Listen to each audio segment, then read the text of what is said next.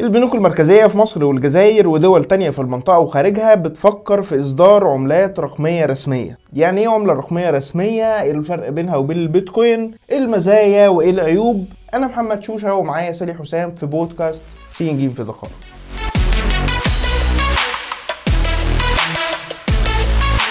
سالي نعم من فترة قريبة جدا كنا بنتكلم إن البنك المركزي بيحذر المواطنين من إنهم يتعاملوا في العملات الرقمية والبيتكوين والحوارات دي. ودلوقتي بنقول إن هو نفسه بيفكر في استخدامها. الكلام طلع فجأة وبشكل غريب جدا. إيه اللي بيحصل بالظبط؟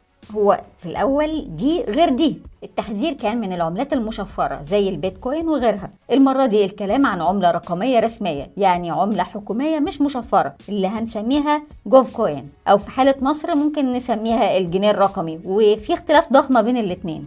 يعني إيه الاختلافات اللي ممكن تطلع ما بين الاتنين؟ يعني كأننا بنتكلم عن أحمد والحاج أحمد في الموضوع ده. يعني الفرق الأهم في فلسفة العملات الرقمية المشفرة نفسها اللي هتغيب عن العملات الرقمية الرسمية جوف كوين. أهم ميزة في العملات المشفرة إنها بعيدة عن سلطة وعيون البنوك المركزية. وده طبعا خطر ضخم على السلطة المركزية. من من أكتر من نقطة. جزء منها محللين بيشوفوا إن هو إيجابي إن هو توزيع السلطة المالية على الأفراد فيقضي على المركزية. والجزء الثاني شال بقى مشكلة كبيرة للأجهزة الأمنية لأن في حالة العملات المشفرة ففي كميات ضخمة من الفلوس بتتحرك بعيدة عن أعين آه، سلطات إنفاذ القانون. وده فتح المجال لاستخدامها في ست عمليات أساسية من أول التمويل ل- ل- للإرهاب لغسيل الأموال للاحتيال لجمع المال من برامج الفدية والابتزاز الرقمي والتجارة غير المشروعة في المخدرات والسلاح والبشر وغيرها يعني. وعشان السببين دول وغيرهم فالحكومات قررت تزاحم في سوق ال- ال- العملات الرقمية بالعملة الرقمية الحكومية جوف كوين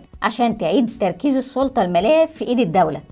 إحنا تقريبا بقالنا ربع قرن تقريبا. إحنا بنتكلم من فترة طويلة جدا عن العملات الرقمية والبيتكوين ظهر تقريبا في 2009 يعني. فجأة كده الحكومات خدت بالها من كل القصة اللي أنت بتحكي فيها دي. هو ده بالظبط لأن حركة البنوك المركزية كانت بطيئة جدا في التعامل مع دخول الفلوس لمرحلة الرقمنة. عندك مثلا رئيس الاحتياطي الفيدرالي الأمريكي السابق بول فولكر كان قال إن آخر اختراع مهم في البنوك كان اللي هو مكنة ال ATM بدا بالتزامن بقى مع إن الثقة في البنوك بتتراجع كل كام سنة لما تحصل أزمة مالية. وإحنا حاليا احتمال ندخل على أزمة جديدة. وحالة الخوف الحالية بتهدد بفقدان الحكومات والبنوك المركزية للسيطرة على الاقتصاد لصالح قطاع مالي موازي ملوش أي دعوة بالقوانين والرقابة. ضيف بقى على كده إن في نصابين استخدموا التشكك ده علشان يسرقوا فلوس بالملايين من الناس تحت شعار الاستثمار في العملات الرقمية. زي مثلا آه، روجا إجناتوفا ودي هنسيب ال link بتاع قصتها في ال description. للي عايز يعرف أني أكتر عنها. crime level الوحشة دي. بالظبط كده. يعني فرصة برضو الناس تشوف الحلقات لأنها فعلا ممتعة جدا يعني. كده يبقى إحنا عندنا النتيجة بقى إيه؟ إن في فكرة دلوقتي إن إحنا نعمل عملات رقمية مركزية ورسمية. طيب يا سالي إحنا كنا قلنا في المقدمة إن مصر والجزائر ودول تانية في المنطقة رايحة للقصة دي. فجأة كده يعني لوحدنا قررنا إن إحنا هنطلع بكرة الصبح عملات رقمية؟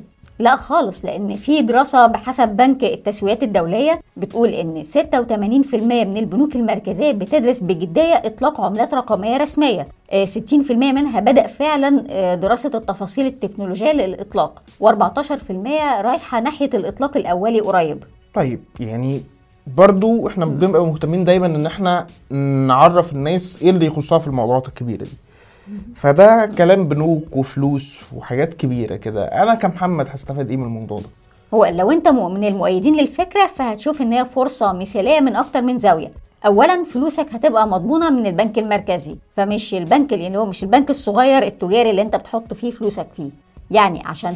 تخسر فلوسك دي فانت محتاج إن الدولة كلها تفلس مش مجرد بنك اللي يفلس أو تحصل فيه مشكلة. من نفس الزاوية الوردي دي هتشوف طبعا إن دي فرصة إنك ما تشيلش كاش كتير وإنك ما تضطرش تدخل بنك أو تعمل تحويلات تمر من بنك لبنك تاني. هي دلوقتي على طول من البنك المركزي على طول. طبعا ده للناس اللي بتشيل ملايين زي كده سالي المهم.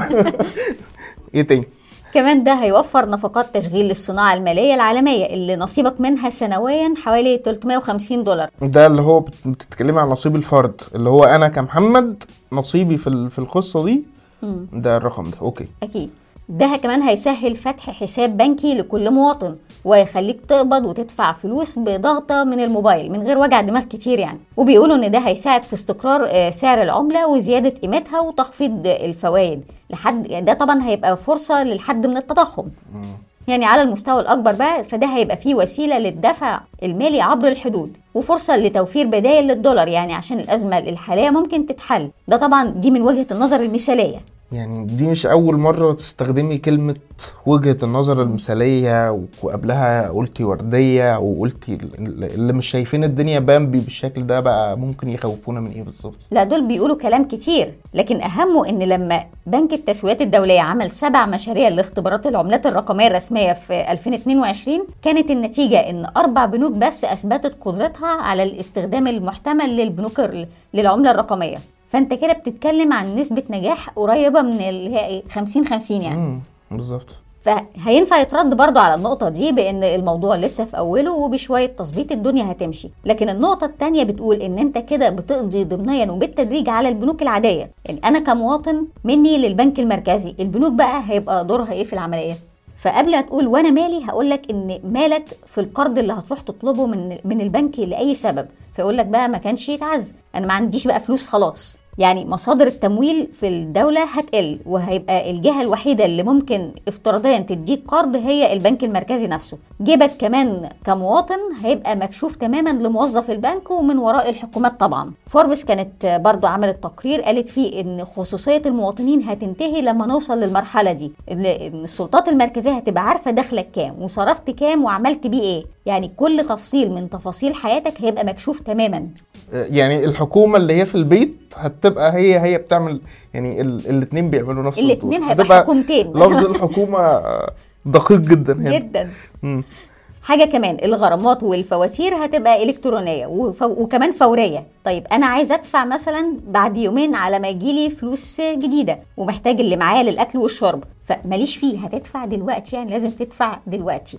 الأكتر من كده ممكن حكومة عايزة تعاقب أشخاص عشان كسروا إشارة مرور ولا كتبوا post مش ولا بد على ال social media فتقوم موقفة المعاملات المالية بتاعتهم بضغطة زرار. وتلاقي نفسك كده دخلت في نموذج الصين. يا دي الصين. كل يومين صين صين. مالها المرة دي الصين بقى. آه ده بقى موضوع كبير بس ممكن نعمل له كمان حلقة لوحده بعدين. لكن دلوقتي خلينا نقوله بالمختصر وهو إن الصين بتطبق نظام الرصيد الاجتماعي يعني بتراقب هي كل سلوكيات المواطنين العامة تقريبا. يعني مثلا لو كتبت post مش عاجب الحزب الشيوعي على ال social media فتلاقي ال score بتاعك بيقل. لكن مثلا لو اتبرعت لمنظمة خيرية هتلاقي مثلا إن أنت خدت نقط بالطريقة دي اللي هي بقى هيبقى فيها مكافآت وعقوبات. يعني مثلا تيجي تحجز تذكرة طيارة فتلاقي إن أنت ممنوع عشان عملت ال post اياه أو مثلا تلاقي نفسك صعب تلاقي خدمات طبية عشان عملت مخالفات كتير بالعربية. وهكذا.